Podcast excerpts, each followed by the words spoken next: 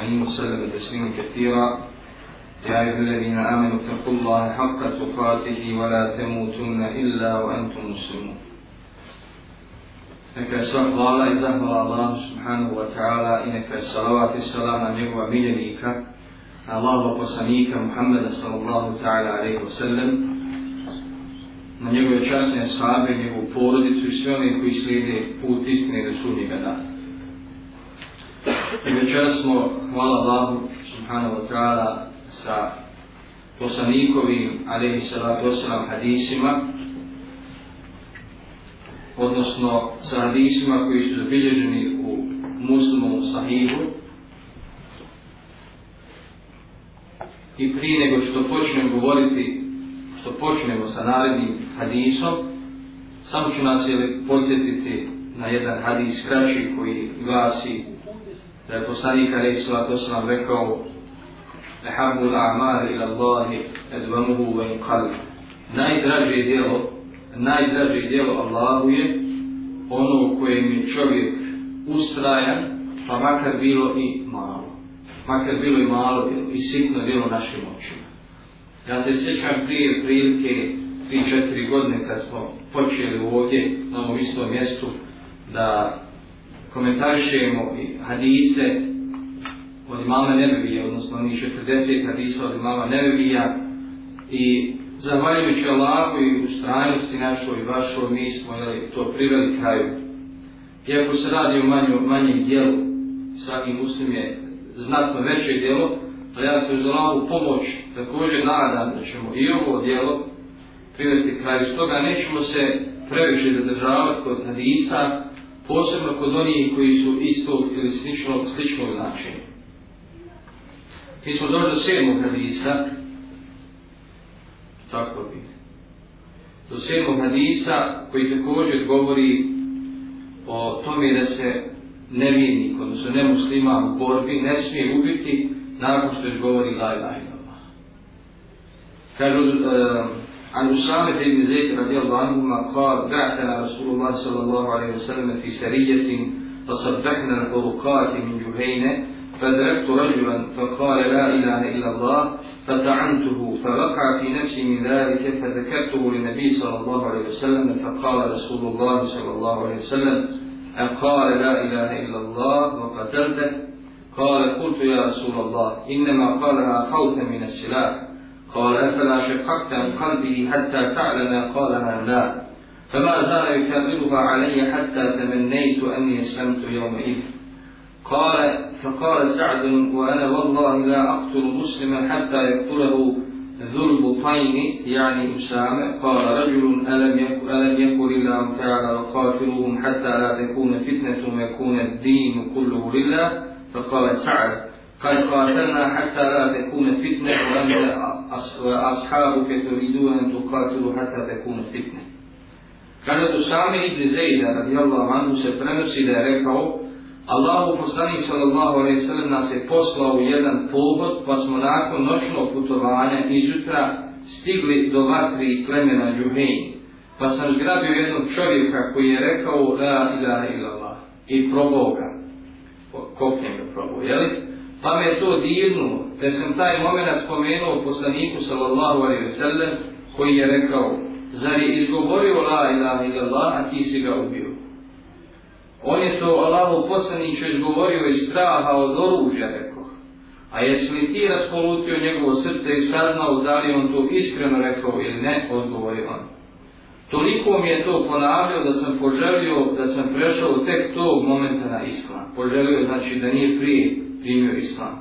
Kaže Sa'ad, kaže Sa'ad je rekao, ja tako mi Allaha ne ubijam muslimana sve dok ga ne ubije Dulbu Fajn, to jest Usame. Tada mu jedan čovjek prigovori, za Allah uzvišeni nije rekao i boriti se protiv njih dok mnogobožstvo, odnosno fitne ne neičedne i dok, i dok samo Allahova vjera ne ostane. Pa mu je sad odgovorio, mi smo se borili da fitneta nestane, a ti tvoji drugovi želite da se borite da fitnet nastane. Znači ovaj hadis koji prethodni govori o tome da je zabranjeno ubiti E, nemuslimana, nevidnika u borbi nakon što kaže la ilaha illallah. I hadis kao što vidimo što prenosi Usama Usama ibn Zaid, poznati vojskovođa, mladić koji je poslanik Ali Isla sa 15 godina spremio sa vojskom kao vojskovođu da ide na Bizantiju. I navodi on svoj slučaj, svoje putovanje do plemena Džuhejn, kada je uhvatio ili došao od jednog čovjeka, ne, ne muslimana iz plemena Džuhejn, koji je izgovorio la ilaha ila, on je nakon toga ubio. Pa je to kazao sa Nikola i Salatu Islam, je nešto u svojim prsima. osjetio da nešto nije u redu. I to je jedan znak da čovjek, eh, da je čovjek pogriješio. Kada osjetimo, kada osjetim našim prsima uh, jedan ružan osjećaj nakon učinjenog djela, to može biti znak da smo pogriješili. Jer to se navodi u drugom hadisu, kojem poslanik Ali Salatu Islam kaže, grijeh je ono za što se kolebaš u svojim prsima i što ne bi volio da ljudi saznaju. Znači ono kako imamo neko, ne, neki nelagodan osjećaj u našim prsima, a nismo sigurni da li je to grijeh ili nije, to treba da nam bude znak da je možda, da smo možda grijeh učinili. Jer to je onaj moralni osjećaj koji postoji svakom čovjeku. A on je izraženiji kod vjernika mu'mina čija duša i srce su čišćina. I kaže, kada je kazao sa Nikola i Slata Selam, jeli, posle Allah poslanik, on je to učinio strah od smrti, od oružja. A poslanik mu reče, a jesi li ti otvorio njegovo srce, jeli, pa vidio u srcu, je to rekao iskreno ili ne? Opet se vraćamo na ono što smo prošli put govorili, da je nama prepušteno da sudimo na osnovu onoga što je na jeziku, a ne što je u srcu. Jer ono što je na jeziku nama je dostupno i vidljivo, a ono što je u srcu nije. Zato uvijek trebamo ovaj, biti oprezni kada sudimo o nekome, o njegovom dijelu ili riječima, da kažemo, pa to je rekao ovaj, neispreno. To radi iz ličnih interesa ovako ili onako. Mi možemo to, eh, te misli imati u sebi, ali trebamo i zadržati za sebe, jer kad izgovorimo to gotovo je. To kad izgovorimo gotovo je. Znači te sumnje i predrasude trebamo zadržati za sebe. Znači nije problem kada se to pojavi u nama, te misli, da je neko nešto radi ovaj, iz interesa ličnog ili iz dunjačkih interesa, a pitanje vjeri, e, to nije problem, ali ako to kažemo, onda se to piše i uzima se ovaj, kao vjer. Poslanik Anesva Tesna mu je to ponavljao više puta, što znači da je velika stvar. Jer dok je poslanik tom ponavljao i stil otvorio njegovo srce, jel? Ovaj, to znači da se radi o velikoj krupnoj stvari, ubiti čovjeka, za koji ne znamo je li to isto, u istinu rekao iskreno ili ne, stvar je sumnjiva. Kaže sad, kaže ja tako mi Allaha, ne ubija muslimana sve dok ga ne ubije drugu tajn, to je Usama. Ovdje misli da ne bilo, da ne bi došlo do zavodne muslimane. On misli na onoga koji govori riječi la ja illa, a on nije siguran da to kazao iskreno ili ne. Ne misli se na ubijanje ovaj, muslimana. Zulbu tajne usama, jel? Zulbu tajne znači koji onaj koji ima malo po, poveći stomak, ne toliko velik, ali ima malo izražen, jel? Izražen stomak. Zašto? Zato što je usama od ovog momenta, od ovog događaja bio toliko bio toliko oprezan kada je u pitanju ubijanje e, oni koji izgovori šehade toku borbe, da su svi ovaj, gledali šta on radi. Ako, ako ga on ne ubije, ne, nikoga ne ubija. Znači ako bi ga on ubio, da su bili sigurni da, on, da ga ubio kao nevijenik, a ne kao musliman. Znači ovo je, ovo je poslaniko, ali svata sam škola, jer stvarno su bili znači, učenici te škole, bili su lično, znači, nadgledani strane poslanika, ali svata nakon toga je li jedan čovjek reče da Allah, Allah uzvišeni nije rekao i borci se protiv njih, to je protiv mnogobožaca, dok nestane širka, odnosno mnogobožstva fitne, i dok, dok samo Allahova vjera ne ostane. Pa mu sad govorio, mi smo se borili da fitne ta nestane, to je mi smo se borili protiv, protiv mušrika, širka, a ti i tvoji drugovi želite se borite da fitnet, da fitnet nastane, da fitnet nastane. Ovdje se vjerojatno misli na to vrijeme kada su već počele da se dešavaju smutnje među ashabima i među Ali i Moavije, jeli, i kada, kada, su, kada se muslimanska krv počela onako proljevati bez ikakvog ustručavanja. Sljedeći hadis, osmi hadis, Ansafan ibn Muhariz. Ansafan ibn Muhariz, ene Jundub ibn Abdillah al-Jabal Bajali, رضي الله عنه بات إلى عسعس ابن سلامة زمن فتنة ابن الزبير فقال اجمع لي نفرا من إخوانك حتى أحدثهم. فبعث رسولا إليهم فلما اجتمعوا جاء جندب عليه برنس أصفر فقال تحدثوا بما كنتم تحدثون به حتى دار الحديث. فلما دار الحديث إليه حسر البرنس عن رأسه. فقال إني أتيتكم ولا أريد أن أخبركم إلا عن نبيكم صلى الله عليه وسلم. إن رسول الله صلى الله عليه وسلم بعث بعثا من المسلمين إلى قوم من المشركين. فإنهم التقوا. فكان رجل من المشركين إذا شاء أن يقصد إلى رجل من المسلمين قصد له فقتله. وإن رجلا من المسلمين قصد نقلته قال وكنا نحدث أنه أسامة بن زيد فلما رفع عليه السيف قال لا إله إلا الله فقتله فجاء بشير إلى النبي صلى الله عليه وسلم فسأله فأخبره حتى أخبره خبر الرجل كيف صنع. فدعاه فسأله فقال لما قتلته؟ فقال يا رسول الله أوجع من المسلمين وقتل فلانا فلانا وسمى له نفرا؟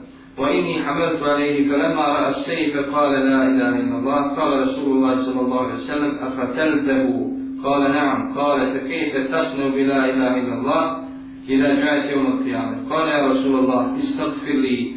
قال فكيف تصنع بلا إله إلا الله إذا جاءت يوم القيامة؟ قال فجعل لا يزيده على علي, علي أن يقول على أن يقول فكيف تصنع بلا إله إلا الله إذا جاءت يوم القيامة؟ Znači, sličan hadis koji, koji prenosi drugi prenosilac, Sarpan ibn Muhriz, prenosi da je Džundub ibn Abdullah al-Beđevi poslao poruku za vrijeme ibn Ezubeirove pobuni. Asa su ibn Salame to rekavši mu, sakupim jednu grupu tvojih ljudi da, da im se obratim. On im je poslao glasnika, nakon što su se okupili, izašao je Džundub, na kome je bio žuti burnus, a burnus je jedna od, ona odjeća sa kapuljačom, znači u jednom dijelu, i rekao im, pričajte o onom što ste govorili, pa je tako priča započela, a nakon što su mu se obratili, skinuo je kapuljaču i rekao, ja sam došao samo da vam donesem vijest od vašeg vjerovjesnika. Allaho poslanik sallallahu alaihi wa sallam je poslao muslimansku vojsku na idolopoklonički narod. Vojske su se srele, pa je neki idolopoklonik pratio jednog muslimana htijući da ga ubije. Jedan musliman je čekao da taj idolopoklonik bude neoprezan. Mi smo rekli da je taj musliman u ibn Zeyd. Pa kada je on nad njim podigao sablju, on je izgovorio la ilaha illallah, a on ga je ubio. Nakon toga je glasnik došao vjerovjesniku sallallahu alaihi selleme koji ga je upitao o tome, a on ga je obavijestio čovjeku koji je to učinio. Onda ga je onda, on ga je onda pozvao i upitao zašto se to učinio. Allah u poslaniće rekao je, on je izvršio pokolj nad muslimanima, pa je ubio toga i toga, spomenući mu grupu ubijenih. I ja sam navalio na njega, pa kada je ugledao sablju, izgovorio je la ilaha illallah. Zar si ga ubio, upita ga lao poslanik sallallahu alaihi sallam. Da, odgovorio je. Kako ćeš postav, kako ćeš se postaviti sprem la ilaha illallah kada dođe na sudnjem danu, upite ga poslanik. A lao poslanik će reće on, moli Allaha da mi oprosti. Kako će se ponašati na sudnjem danu kada dođe la ilaha illallah, upite ga ponovo vjerovisni sallallahu alaihi sallam. Ponavljao je to, kako će se osjećati na sudnjem danu kada dođe la ilaha illallah. Znači ovaj hadis, kažem, sličan je, radi se također u sami ibn Zeidu, samo hadis je prenesen druge, znači drugim putem, odnosno dru, drugim lancem prenosilaca. Uh, Usama ibn Zaid, kao što vidimo, ubio je ovoga čovjeka nakon što je govorio la ilaha illallah i kada je shvatio svoju grešku, kada je obaviješten, znači poslanik kada je sallat wasalam tražio je od poslanika oprost, odnosno da traži oprost za njega. Priznao je svoju grešku. A poslanik je stalno ponadio, šta ćeš kad dođeš na sudnji dan, na sudnji dan, I kad dođe ovo la ilaha illa od tog čovjeka, jer ti ne znaš je on to izgovorio iskreno ili nije. Šta ćeš odgovoriti? Šta ako je izgovorio iskreno, ti ga ubio, Allah te pita zašto si ubio onog koji je izgovorio la ilaha što su bila shvabi, znam se, to, to, to je bio ukor, to je bio, znači, ovaj, tako su odgajali, tako su odgajali svoje duše, lično, ovaj, je odgajao poslanika Reisala na licu mjesta odmah po, po učinjenom prijestupu. I zato je to bila najbolja generacija muslimana koja je ikada, jeli, odgojen, koja je ikada pojavila se u historiji islama. Ovim hadisom smo završili ovaj, završili smo ovo poglavlje, ovu temu, sada prelazimo na drugo poglavlje, to je babun men leti Allahe, ta'ala bil iman gledje šarni fi defal džene. To svete Allaha uzvišenog vjerujući, nimalo ne sumnjajući u njega učio. Deveti hadis, znači Amazman radijallahu anhu, kale, kale Rasulullah sallallahu alaihi sallam, men mate vahu ja'lamu ennehu la ilaha illa Allah defal džene. Prenosi Osman da je Allah poslanik sallallahu alaihi sallam rekao ko umri, a bude znao da nema drugog Boga osim Allaha, ući će, ući će u džennet. Ovaj hadis veže se za pitanje imana i dijela. Imana i dijela. Da li je dovoljno da čovjek samo srcem svjedoči i spoznaje da nema Boga osim Allaha i da uđe u džennet. Prema vjerovanju, jel, akidija, da od džemata, mi smo o tome i govorili prethodno, svako onaj ko vjeruje iskreno srcem i jezikom očituje javno šehadet, to jeste da nema Boga sem Allaha i da je Muhammed Ali Islata sa njegov poslanik, on će biti stanovnik dženeta. Međutim, ovdje se nameće jedno drugo pitanje, to je što je sa djelima? Jesu li djela uvjet ispravnosti imana ili su djela uvjet za ulazak u džennet i posljedanje lave milosti i rahmeta. Prema, znači, mišljenju velike većine islamskih učenjaka djela su uvjet za potpunost potpunost znači imana, savršenstvo imana, što znači da onaj ko iskreno srcem svjedoči da nema Boga sem Allaha i da je Muhammed njegov poslanik, i to javno očito jezikom, on će biti stanovnik dženeta. Međutim, ako bude imao grijeha koji nisu oprošteni na ovom medinaluku, on će biti prepušten, prepušten Allahu i milosti rahmetu na onom svijetu. Ako bude Allah htio, kaznut ga, ako bude htio, oprostit će.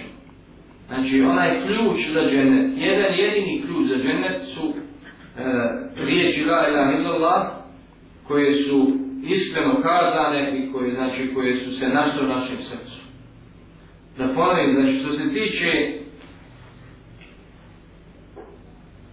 velikih grijeha, veliki griješnik koji se za te grije nije pokajao na ovome svijetu, na onome svijetu prepušten je Allahove milosti. Ako Allah bude htio, kaznit će ga i ako bude htio proći. Sve zavisi od njegovog stanja i drugih djela.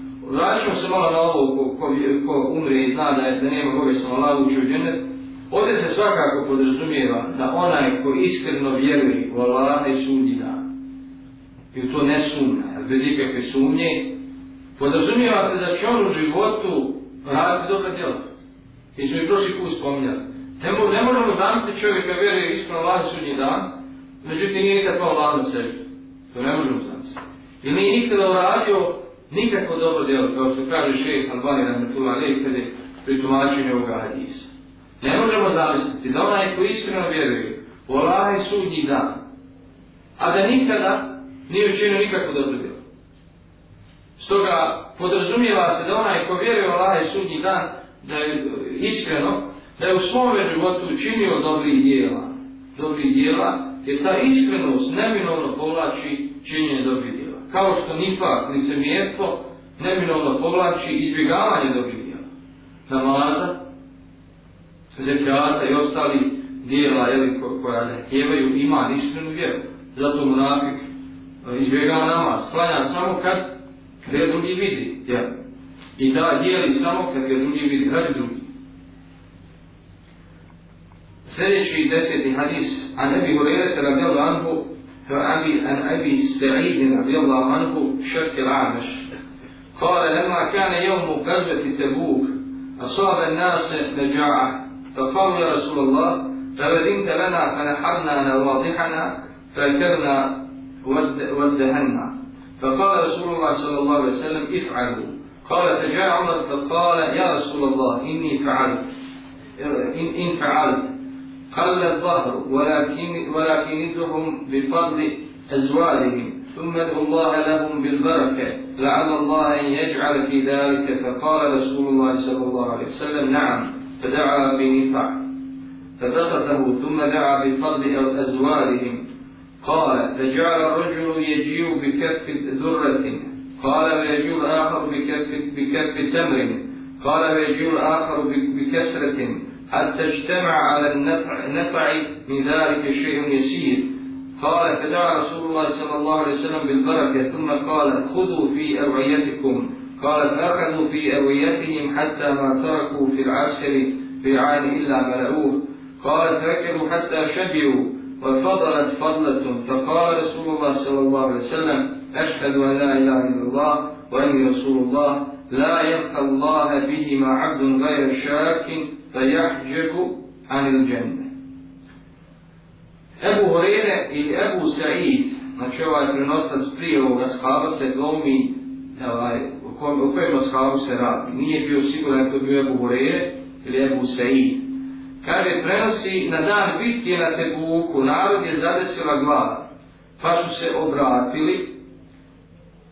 Kada bi nam dopustio Allahu poslaniću da zakoljemo deve vodonoše, pa da ih jednemo i od njih uzmemo mas, učinite to, odgovorimo Allahu poslanik sallallahu alaihi sallam. Čovdje vidimo da je to bila, bi bilo stanje potrebe, te deve koje su bile potrebe poslanika, ali islata sam dozvolio da ih, da ih zakolju, I ovdje dolazi do izraja poslanikov, poslanikova samilost, milost prema svojim, prema svojim ashabima, odnosno prema umetu općenitu. Kao što se navodi, jeli, ovaj, u samom Kur'anu, kada se govori o i osobinama, govori se da je on milostiv prema svojim, prema svome umetu, prema vjernicima. Kaže, nakon toga dođe Omer i reče, Allaho poslaniće, ako to učiniš, smanjit će se broj životinja nego pozovi ih da dođu i ponesu svoju ranu i učini dovu Allahu da im dalje beričet koji će nadati se u tome jeli, nastati. Da, reče Allah poslanik sallallahu alaihi sallam i zatraži korni tepi koji je postavio, a onda zatraži da donesu višak svoje hrane. Tada jedan čovjek donese pregrš proge, kukuruze, drugi pregrš kurmi, treći komad hljeba, tako da se na tom kornom tepiku sakupilo nešto malo hrane. Nakon toga Allah poslanik sallallahu alaihi sallam učinio dovu za beričet ili bereket, a onda rekao, na nakupite svi u svoje posude. Svi su nakupili svoje posude, tako da niko nije ostao, ostavio posudu, a da je nije napunio. Zatim su jeli, sve dok se nisu najeli, a višak su ostavili. Tada je Allahu poslanik sallallahu alaihi sallam rekao, svjedočim da nema drugog Boga osim Allaha i da sam ja Allahu poslanik, rob neće sresti Allaha sa njim, odnosno ovim riječima, ne sumnjajući u njih, a da mu dženet bude zabranjen. Znači, radi se o pisci na Tebuku, zadesla glad ashaba, odnosno manje hrane, pa su predložili poslanikove i salatu wasalam da, da zaklju neke deve koje je vodonoše, da bi preživjeli. Poslanika i salatu wasalam svoje milosti, iako su deve potrebne za bitku, dozvoljava im to. Međutim, Omer, Omer se upliče, jeli, kao po svome običaju, e, poznati po žestini, jeli, po strogosti među, među ashabima i kaže Allahu poslaniće, ako učini što smanjuje za broj djeva i predloži poslanikove i svak sam da, da svak donese hrane što je imao, da se stavi na, na jedno mjesto i da poslanika ne svak se proći dovoljno, su zamoli Allaha da bereket u toj hrani. To je jedan, jedan od poslanika muđiza. Nadprirodnih, znači, e, moć koju mu Allah dao. Kao što se prenosi ono, ono drugoj, ono drugoj predaje kada je poslanik Ali je sram stavio svoju ru, ruku, onu posudu, pa je, kaže, voda izvirala između njegovih prstiju kao, kao iz, sa izvora. Pa se svi ili napili, uzeli abdest i ostalo vode. Tako i u ovom slučaju, poslanik kada je svala sram, svi su nešto donijeli od hrane i sakupio je proučio, jeli, dovu da bereketa reket Allah zamolio i naravno Allah svom poslaniku se uslišava i to je muđiza. To je muđiza i uh, svi su nakon toga nakupili u svoje znači, posude hrane i ostalo. A, svi, a do početku su donijeli malo. I ostalo je hrane. I svi su je najeli i nakupili ostalo hrane i to je uistinu nadprirodna pojava, nadprirodni, ovaj, nadprirodno događanje koje potvrđuje istinitost poslanikova poslanstva Rejsa Latosa. Tada je poslanik Ali Islatu sam kazao svjedočim da nema drugog Boga osim Allah da sam ja Allah poslanik. Znači taj prizor ne samo da je kod ashaba znači budio ovaj iman nego i kod samog poslanika Ali Islatu sam, i onda je prokomentarisao kazao svaki rob ili svaki čovjek koji kaže ove riječi ne sumnjajući u njih, to jest koji kaže la ilaha illallah, Muhammedu Rasulullah, bez sumnje, kaže neće mu džennet biti zabranjen. Neće mu džennet biti zabranjen. Znači kao u prethodnom hadisu, uh, pod uvjetom, znači da nije imao neoprošteni velikih grijeha s kojima je umro i pod uvjetom da je e, u svome imanu, odnosno sa svojim imanom učinio i dobri dijela. To svakako, jer vjernika, recimo, ne možemo zamisliti bez toga. Sljedeći hadis je u istoj temi. عن سلامه عن عباد بن صامت رضي الله عنه قال دخلت عليه وهو في الموت فبكيت فقال مهلا لم تبكي فوالله لئن استشهدت لأشهدن لك ولئن شفعت ليشفعن لك ولئن استطعت لأنفعنك ثم قال والله ما من حديث سمعته من رسول الله صلى الله عليه وسلم لكم فيه خير إلا عددتموه إلا حديثا واحدا.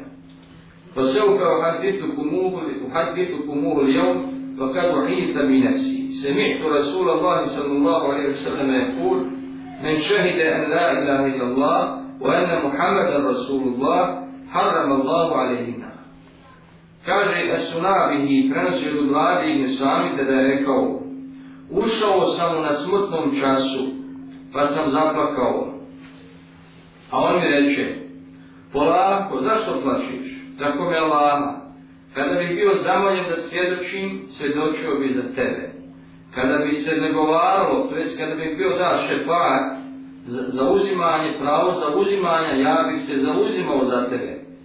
I kada bi mogao učinio biti, učinio biti korist. Zatim je rekao, tako mi Allah, nema nijednog hadisa koji sam čuo da Allahog poslanika, sallallahu alaihi sallam, u kome je dobro, a da vam ga nisam zaopćio, izuzev jednog hadisa koji ću vam danas općiti. Jer sam na kraju života.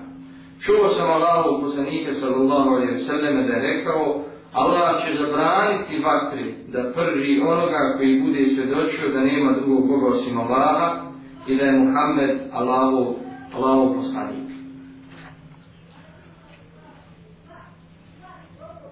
Ovaj hadis također govori da je ključ spasa, ključ spasa od džehennemske vatre šehadet, iskreno izgovoren iskreno svjedočen znači srce. To je ključ spasa. I onaj ko bude iskreno svjedočio srcem šehadet, njega vatra prožiti neće.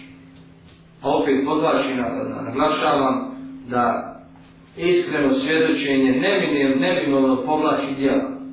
Neminovno povlači djela.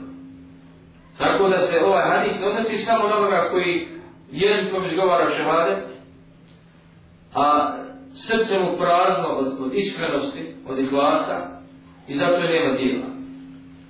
Zato nema dijela. Znači oni koji samo na jeziku izgovaraju šehadet, a dijela nemaju, to upućuje na njihovu neiskrenost. Upućuje na njihovu neiskrenost u izgovaranju šehadeta. Upućuje na da njihovo srce sumnjičavo i da u njega nije ušao iskren iman. Mi znamo u svome životu ili u, svo, u svome prakticiranju vjeri da nas na djelo postiče iskrena vjera. Da nas na djelo postiče iman Allah. Bilo da se radi o namazu, ili o zekatu, ili o sadaki, ili o hadju, na to nas potiče iskrena vjera. Nije nam želo ništa žrtvovati na, na putu vjere, jer znamo i čvrsto vjerujemo da je to naš kapital koji će nas spasiti uz Allahu milost na onom svijetu. Zato ćemo vidjeti čovjeka na jednoj strani koji e, sakuplja godinama novac da obavi hač i spreman je da da i zadnje novce jeli, iz svoga džepa, dok na drugoj strani imamo čovjeka koji je bogataš, a koji jedan izbi sljedeći lajda ilma, ali ova ne može da se otrgne i ne može da ovaj, da se motivira da obavi hač ili da dadne zekat ili ovo ili ono zbog toga što je u njegovom srcu ili nema nikako imana iskrenog ili je njegov iman toliko slab pa nema snage da ga, da ga pokrene i da ga motivira. 12. hadis prenosi se od Ebu Horeire. Hadis je malo duži, a govori isto je tem kao ovaj prethodni. عن ابي هريره رضي الله عنه قال كنا قعودا حول رسول الله صلى الله عليه وسلم معنا ابو بكر وعمر رضي الله عنهما في نفر فقام رسول الله صلى الله عليه وسلم من بين اظهرنا فرفع علينا فخشينا أن يقتطع دوننا ففزعنا فقمنا فكنت أول من فزع فخرجت أبتغي رسول الله صلى الله عليه وسلم حتى أتيت حائطا للأنصار لبني النجار فزرت به هل أجد له بارا؟ فلم أجد فإذا ربيع يدخل في جوف حائط من بئر خارجه والربيع الجدول. فاحتفزت فدخلت على رسول الله صلى الله عليه وسلم فقال أبو هريرة فقلت نعم يا رسول الله. قال ما شأنك؟ قلت كنت بين أظهرنا كنت بين أظهرنا فكنت فالفأت علينا فخشينا أن تقطع دوننا ففزعنا فكنت أول من فزع فأتيت هذا الحائط فاحتفزت كما يحتفز الثعلب. فهؤلاء الناس ورائي فقال يا أبا هريرة فأعطاني نعليه وقال اذهب بنعلي هاتين فمن لقيت من وراء هذا الحائط يشهد أن لا إله إلا الله مستيقنا بها قلبه فبشره بالجنة. فكان أول من لقيت عمر فقال ما هاتان نعلان يا أبا هريرة؟ فقلت هاتان نعلى رسول الله صلى الله عليه وسلم بعثني بهما فلقيت يشهد أن لا إله إلا الله مستيقنا بها قلبه بشرته بالجنة. قال فضرب عمر بيده بين ثديي فخرجت فخرجت لاستي فقال ارجع يا أبا هريرة. فرجعت إلى رسول الله صلى الله عليه وسلم فأجهشت بكاء. وركبني عمر فإذا هو على أثري فقال رسول الله صلى الله عليه وسلم ما لك يا أبا هريرة؟ فقلت لقيت عمر فأخبرته بالذي بعثني به فضرب بين يدي ضربة, ضربة خرجت لاسيتي فقال ارجع قال رسول الله صلى الله عليه وسلم يا عمر ما حملك على ما فعلت قال يا رسول الله بأبي أنت وأمي فبعثت أبا هريرة بن عليك من لقي يشهد أن لا إله إلا الله مستيقنا به قلبه بشره بالجنة قال نعم قال فلا تفعل فإني أخشى أن يتكل الناس عليها فخلهم يعملوا قال رسول الله صلى الله عليه وسلم فخلهم Prenosi se od Ebu Hureyri da je rekao, jednom prilikom sjeli smo okupljeni oko lava poslanika sallallahu alaihi sallame, a u našem društvu bili su Ebu Bekri Omer. Poslanik se Allah sallam je iznenada ustao i otišao od nas. Nije se zadugo vratio. Pobojali smo se da mu se nešto nije desilo. Pa nas je to zastrašilo. Uskali smo da ga potražimo. Bio sam prvi koji je to uplašilo. Krenuo sam da tražim Allaho poslanika sallallahu alaihi sallam. Došao sam do nesarijskog voćnjaka koji je pripadao plemenu Neđar. Kružio sam oko njega. ne bi li našao ulaz, ali ga ne nađu. Iznenada sam vidio potrčić kako ulazi kroz ogradu voćnjaka od vanjskog bunara. Skupio sam se koliko sam mogao kao lisica da bi se provukao i došao sam kod Allahova poslanika sallallahu alaihi sallam. Poslanik sallallahu alaihi sallam je tada upitao, je li to Ebu Hureyre? Rekao sam, jes Allahu poslanić. Upitao je, šta te muči? Rekao sam, bio si s nama pa si otišao i zadržao se.